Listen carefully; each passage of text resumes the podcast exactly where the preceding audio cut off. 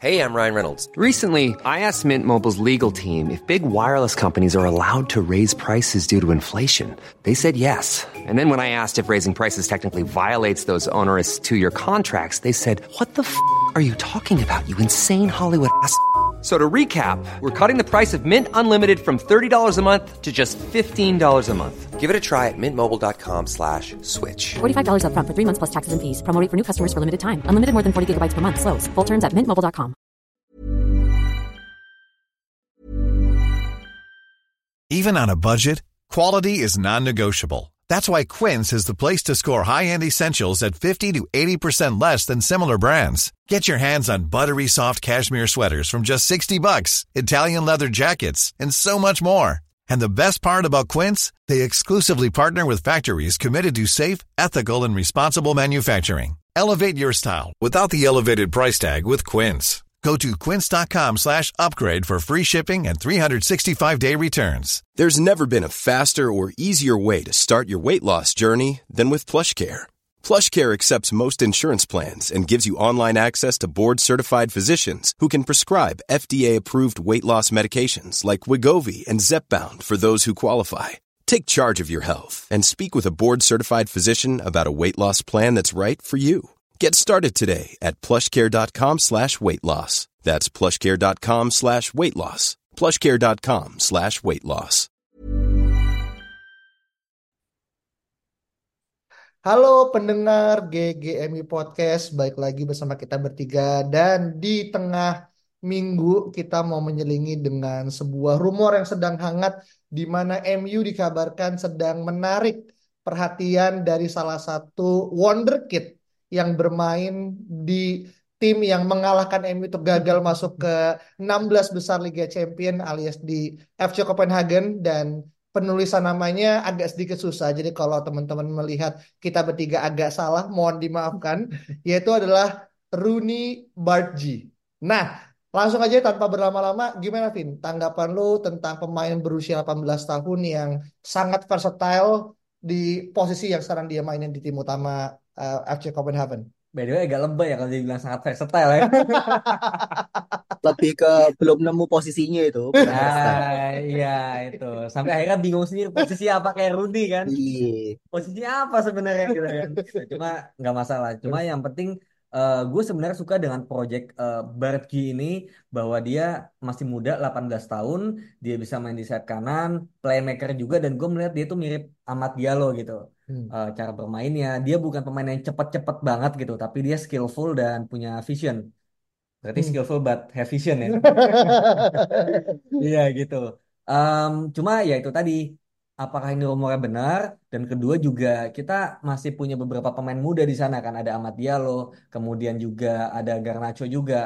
Jadi kayak nanti skemanya bakal seperti apa? Atau memang akan ada pemain yang dijual? Contohnya misalnya Anthony atau misalnya Rashford dijual. Sangat mungkin juga kan. Sancho juga sangat mungkin untuk dijual kan. Bahkan bukan sangat mungkin tapi hampir pasti dijual.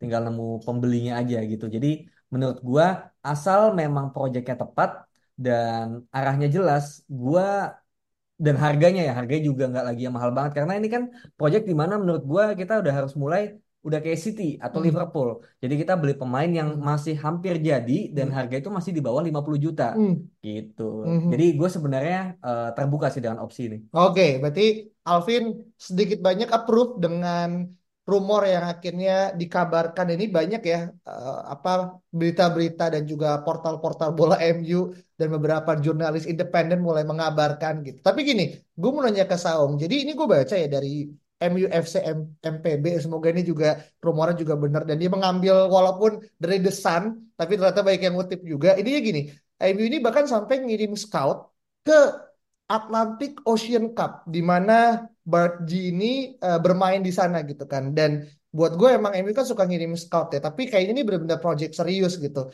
yang bisa menjadi penanda kalau Ineos mencoba untuk merevolusi proses transfer MU yang mulai kayak Alvin bilang gitu melihat pada bibit pemain muda. Nah, lu ngelihat ini lebih kepada proses jangka panjang atau emang Bart G ini emang didatangkan untuk suatu hal yang mungkin short term karena emang kita butuh kedalaman squad Ung. Oh. Kalau alasannya kedalaman squad sih, gue rasa uh, agak agak far-fetched ya karena kita masih punya dia kan pemain sayap ya yang sejauh yang gue tahu gitu. Hmm. Kita Hmm. masih ada Facundo Pellistri gitu kan yang gue nggak tahu kenapa dia sangat jarang dimainkan sampai akhirnya dia ke Granada ya kalau nggak salah ya Ya, eh bersama musim dingin ini. Terus habis itu Amad Diallo juga gue nggak ngerti kenapa sama sekali tidak diberikan kesempatan di beberapa match eh ke belakang ini gitu kan. Padahal dia fit juga gitu.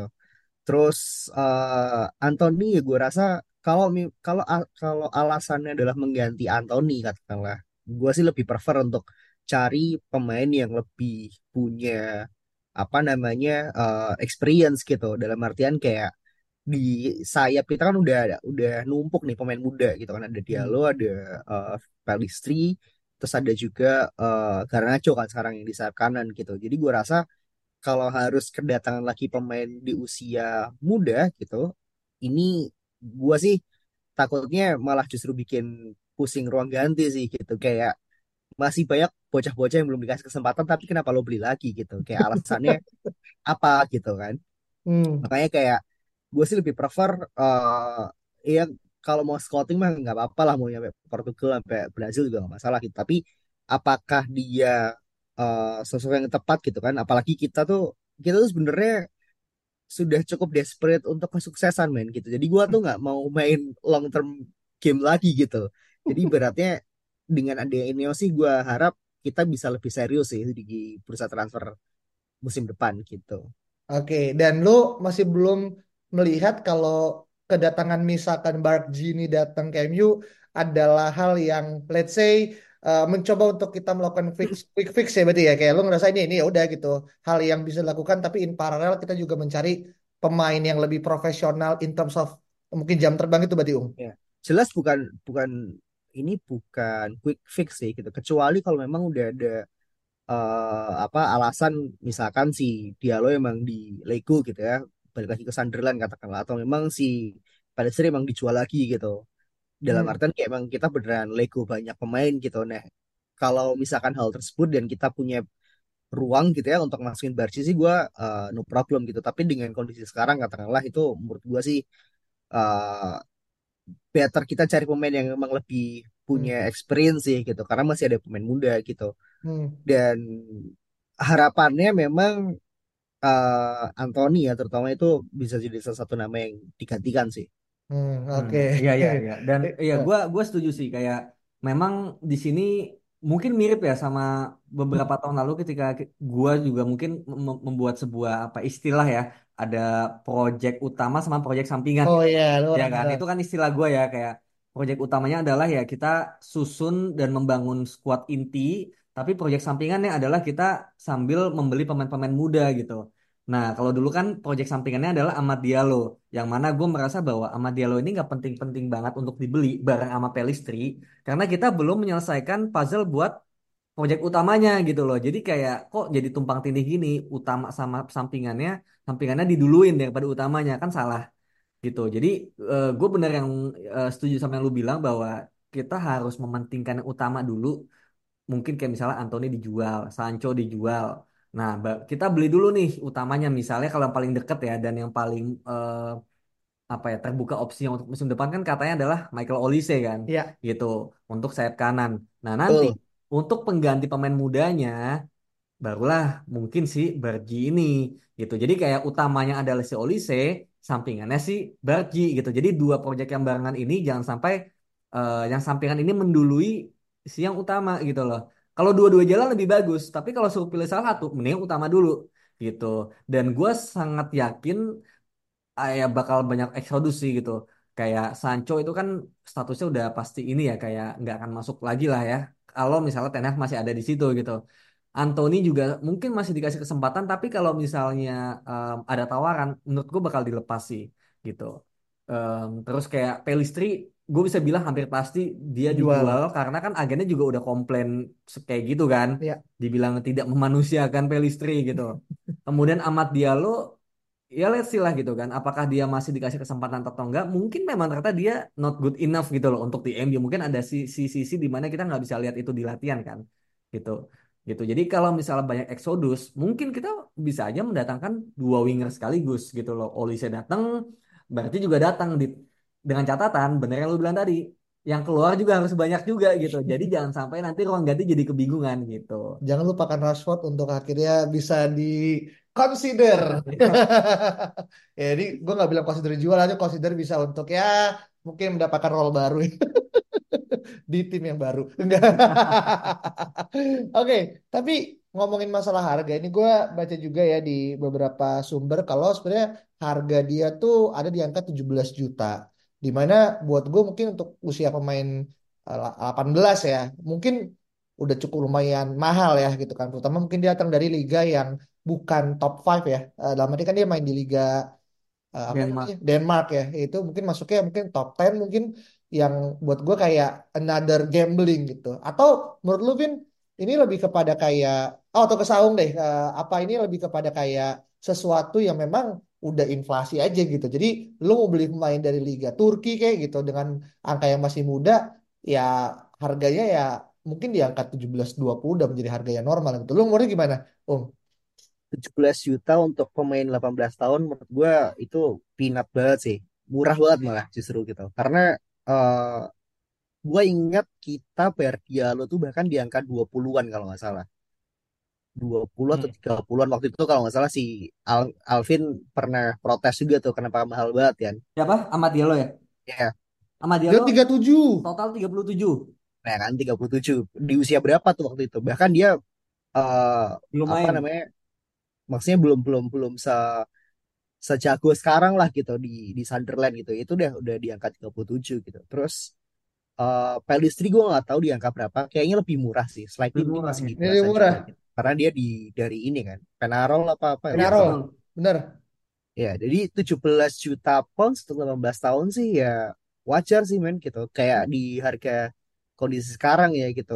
Inflasi udah pasti ada gitu kan. Makanya gue juga sempat lihat di beberapa fans kita eh, cukup excited gitu dengan prospek ini gitu. Tapi ya kembali lagi kalau misalkan kita bisa jual dulu pemain-pemain yang kita punya, eh collect 17 juta pounds dulu baru dibayar sih gitu. Karena gue nggak yakin Anthony aja laku seharga segitu sih. Jadi ya kita lihat dulu lah gimana. Iya ya dan dan yang penguat di mana em, harganya akan nggak akan semahal itu. Jadi gini, kemarin pasti kita sering baca di media-media bahwa Ineos ini akan menargetkan untuk beli pemain yang kontrak itu sisa setahun. Artinya di tahun 2024 ini berarti kita akan mengincar pemain-pemain yang kontraknya habis di tahun 2025. Dan itu Bargi adalah salah satu pemain itu gitu. Yang Hmm. kontraknya habis di 2025 Iya. gitu. Jadi pemain-pemain seperti itu yang kontraknya tinggal setahun itu kan apa ya klub bisa ditekan ya dengan harga serendah-rendahnya gitu karena ya lu dapat uang sekarang atau gratis musim depan gitu. Dan itu menurut gue strategi yang bagus gitu. Asal jangan terlalu stuck ke situ gitu loh. Cuma kalau misalnya ini ada ada pemain muda kemudian em, kontraknya tinggal setahun lagi harganya nanti misalnya beneran cuma 17 atau sampai 20 juta itu menurut gua ya lu udah nggak nggak perlu mikir lagi sih gitu malah kalau misalnya Bargia bisa dibeli duluan sebelum sebelum misalnya sebelum Olise nggak apa-apa. Asal Olise juga tetap dibeli gitu loh. Jangan sampai jadi lupa untuk dibeli atau tiba-tiba punya alasan bahwa nggak ada dana gitu. Gitu sih. Jadi menurut gua ini sayang banget sih. Karena di luar dari harga dan kontraknya yang punya kita kesempatan ada kesempatan buat dapat harga murah tapi melihat potensinya juga gede banget. 18 tahun tuh masih muda banget gitu. Jadi kayak ya kita harus mulai membangun squad yang muda dan apa ya bisa diatur sih bisa dibilang gitu Oke, berarti masih make sense price wise dan kalau teman-teman mungkin penasaran, gue menyarankan nonton uh, highlightnya ya. Ada yang 12 menit, gue nonton yang 12 menit itu sangat-sangat eye gazing untuk menjadi bahan referensi tentang betapa Bargi ini punya potensi lah. Dan gue suka dia tuh adalah dia udah bermain di tim utama gitu. Bahkan dia kalau nggak salah kan yang mencetak gol ke gawang MU kan Iya. eh, di babak eh, ronde pertama Liga Champion gitu kan di mana kita ketemu sama eh, Copenhagen gitu dan buat gua untuk pemain 18 tahun bisa nyetak gol ke gawang MU ya berarti this guy has something to offer gitu kan nah tinggal gimana nanti pelatihnya MU dan juga staff melihat Bargi adalah pemain yang cukup potensial dalam melanjutkan trah eh, setan merah gitu ya untuk masa-masa yang akan datang gitu. Jadi itu ya secara gambaran besarnya. Nah terakhir mungkin untuk visibility eh, dari Alvin sama Saung untuk baju sendiri kira-kira lo akan ngasih di angka berapa? Saung dulu kali. Boleh Saung dulu.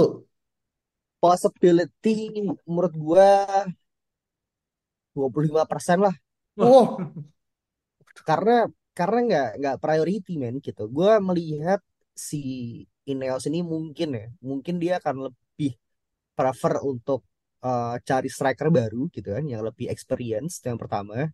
Terus uh, midfield sama uh, ini sih apa namanya CB. center back sih gitu. Hmm. Itu itu tiga tiga itu gua nggak tahu mana yang lebih dulu, cuman yang pasti itu dulu gitu. Kecuali nanti memang uh, sambil berjalan, ya itu tadi yang gue bilang Anthony laku gitu katakanlah. Anthony, uh, Diallo sama Sancho sama uh, Pellistri emang udah ke Lego semua ya gitu. Itu udah pasti minimal kita pasti akan beli winger gitu. Dan harapannya memang eh, siapa namanya Michael Olise gitu. Ketika nanti memang udah selesai si projectnya gitu kan, katakanlah kita udah bisa beli striker sama CB gitu. Ya udah lo beli si Barci ya monggo aja gitu dengan angka 17 juta atau mungkin bisa lebih murah gitu ya dengan kontrak yang tadi habis gitu. Itu sih. Jadi gua rasa di musim depan dia nggak akan jadi nama yang cukup populer sih gua rasa. Oke, Hmm. interesting. Gimana Vin? Kalau gua eh, kemungkinannya 7 dari 10. Uh, tinggi. Cukup gede karena memang ya ini lagi align gitu sama project yang lagi digodok sama Ineos gitu yang tadi gue bilang Em, lagi mau mengincar pemain yang seperti itu. Jadi gue melihat ini lebih kepada opportunity Ya. plus potensinya ada gitu. Jadi bukan cuma sekedar opportunity aja, tapi gue juga pengen ini juga nanti di approve sama sporting director yang baru gitu. Katanya kan si Omar Berada ini sebentar lagi em, akan mengumumkan gitu kan nama sporting director yang baru siapa. Nah, kalau misalnya ternyata sporting directornya juga setuju gitu kan dengan pembelian ini, ya ini akan lebih mungkin lagi menurut gua gitu. Karena yang tadi gue bilang gitu, kalau misalnya semua proyeknya juga udah align gitu sama profil pemainnya gitu, meskipun kita harus jual-jual dulu, tapi ya tadi yang saya bilang gitu, jual-jual harusnya dengan sporting director dan juga mungkin uh, head of negotiation yang baru gitu itu akan lebih mudah untuk terlaksana gitu. Jual Pelistri menurut gue nggak akan susah gitu. Yang susah ya Anthony sama Sancho gitu kan. Tapi ya jual Pelistri menurut gue udah cukup buat uh, kasih ruang ke si siapa Badji ini gitu. Dengan Sancho mungkin bakal dipinjemin lagi kita nggak tahu gitu. Tapi yang pasti kita bisa anggap Sancho udah nggak ada selama, selama masih ada Ten Hag gitu karena mau dia nggak dipinjemin pun dia nggak akan main anyway gitu Berarti kan kita butuh stok sayap yang baru gitu sih. Makanya gue Menurut lo, ya, ya, Hmm. menurut lo lebih lebih mungkin kita beli Olise atau Barci? kalau lebih gampang mana pasti Barji menurut gue Nah, karena harganya murah. Tapi lebih duluan mana kira-kira? oh kalau duluan, Nah, duluan harusnya Olise karena Olise tuh release clause gitu. Oke, Iya, release clause tuh kan lebih lebih ini ya, lebih apa namanya eh cepet-cepetan gitu. Tim mana Di yang angka berapa sih? katanya 50. Hmm. Sama Wan bisa kan nggak sih? Ya kalau release clause nggak bisa di ini. Ya kalau kalau bisa di release clause plus penjualan bisa kan sih gue setuju banget ya. Kasih Kalau lah lebih suruh nonton sekarang highlightnya kalau bisa. di Ajax. Kenapa? Kasih Anthony suruh nonton highlight di Ajax. Mungkin kalau gue tag bareng Saung gue akan bilang mungkin sama Dalot kali ya. Janganlah Dalot kemarin udah nge-save itu chance ya. ya gue kasih kredit lah gitu. Tapi Oh, kalau misalkan Wan Bisaka tetap tidak tergantikan sih menurut gue. Oh. Kayak jadi sekte ya. The cult Wan bisa. Cult Heroes bro. Oke oke oke. Berarti kurang lebih eh, Saung 25%, Alvin 7 per 10, yang di mana angkanya buat gue ini cukup positif ya, walaupun tentu Saung agak sedikit drop karena mungkin yang gue tangkap kepada prioritas ya, dan kita pun juga setuju kalau memang ada banyak lini yang harus ditambal eh, selain daripada winger yang lebih kepada eh, komplement apa, lebih ke hal yang mungkin bisa disupport ketika semua tuh udah benar-benar terisi ya dengan penuh gitu kan. Oke, teman-teman kalau punya pendapat berbeda terkait dengan apa yang tadi kita diskusikan Oh, masalah Barca, ya by the way, ini pemain cukup unik ya. Jadi keluarga negaraannya tuh dia ada dua. ada dua ganda. Ya, Swedia sama Syria. Oh, dan juga Swedia. Iya, Swedia dan Syria. Oh, Swedia dan Syria. Tapi dia lahirnya bukan di dua itu. Di Kuwait. Kuwait. Jadi agak unik nih pemain. Ah, sih. Nanti kita lihat ya dia main, main di Piala Asia atau main di Dulu Piala kayak ini Oh ya sangat mungkin karena dia belum pernah main buat Swedia Oh senior. iya, benar. Itu dulu itu dulu kayak ini eh Adnan Januzaj. Oh iya. Oh iya. Ya, Belgia iya, Albania iya, Kosovo, bahkan Oh, sempat iya. Inggris juga. Karena Iya. dia belum debut kan sama Samsak kan waktu itu gitu. Hmm. Menarik sih nanti dia pilih timnas yang mana karena menurut gue itu sangat menentukan karir sih. Iya. Tapi kayaknya sih potensialnya bakal di capture sama Swedia ya. Eh, bakalan ngikutin apa yang dilakukan sama Elangga kan. Kayaknya ya dengan eh, konteks seperti ini. Tapi kita lihat aja Karena nanti kalau ke Syria sama Kuwait nanti masuk Piala Asia. Asia. nanti. Kalau Indonesia ntar. Iya. Sa- jangan, jangan terlalu berat. Mendingan depan Liga Eropa aja. Main di Piala Eropa. Oke, itu teman-teman. Kalau teman-teman punya pendapat berbeda, silakan langsung aja reply di @ggmi podcast. Kita ketemu lagi di episode berikut ya. Bye bye. Hey, it's Danny Pellegrino from Everything Iconic. Ready to upgrade your style game without blowing your budget? Check out Quince. They've got all the good stuff shirts and polos, activewear, and fine leather goods, all at 50 to 80% less than other high end brands. And the best part? They're all about safe, ethical, and responsible manufacturing. Get that luxury vibe without the luxury price tag. Hit up quince.com slash upgrade for free shipping and 365 day returns on your next order. That's quince.com slash upgrade.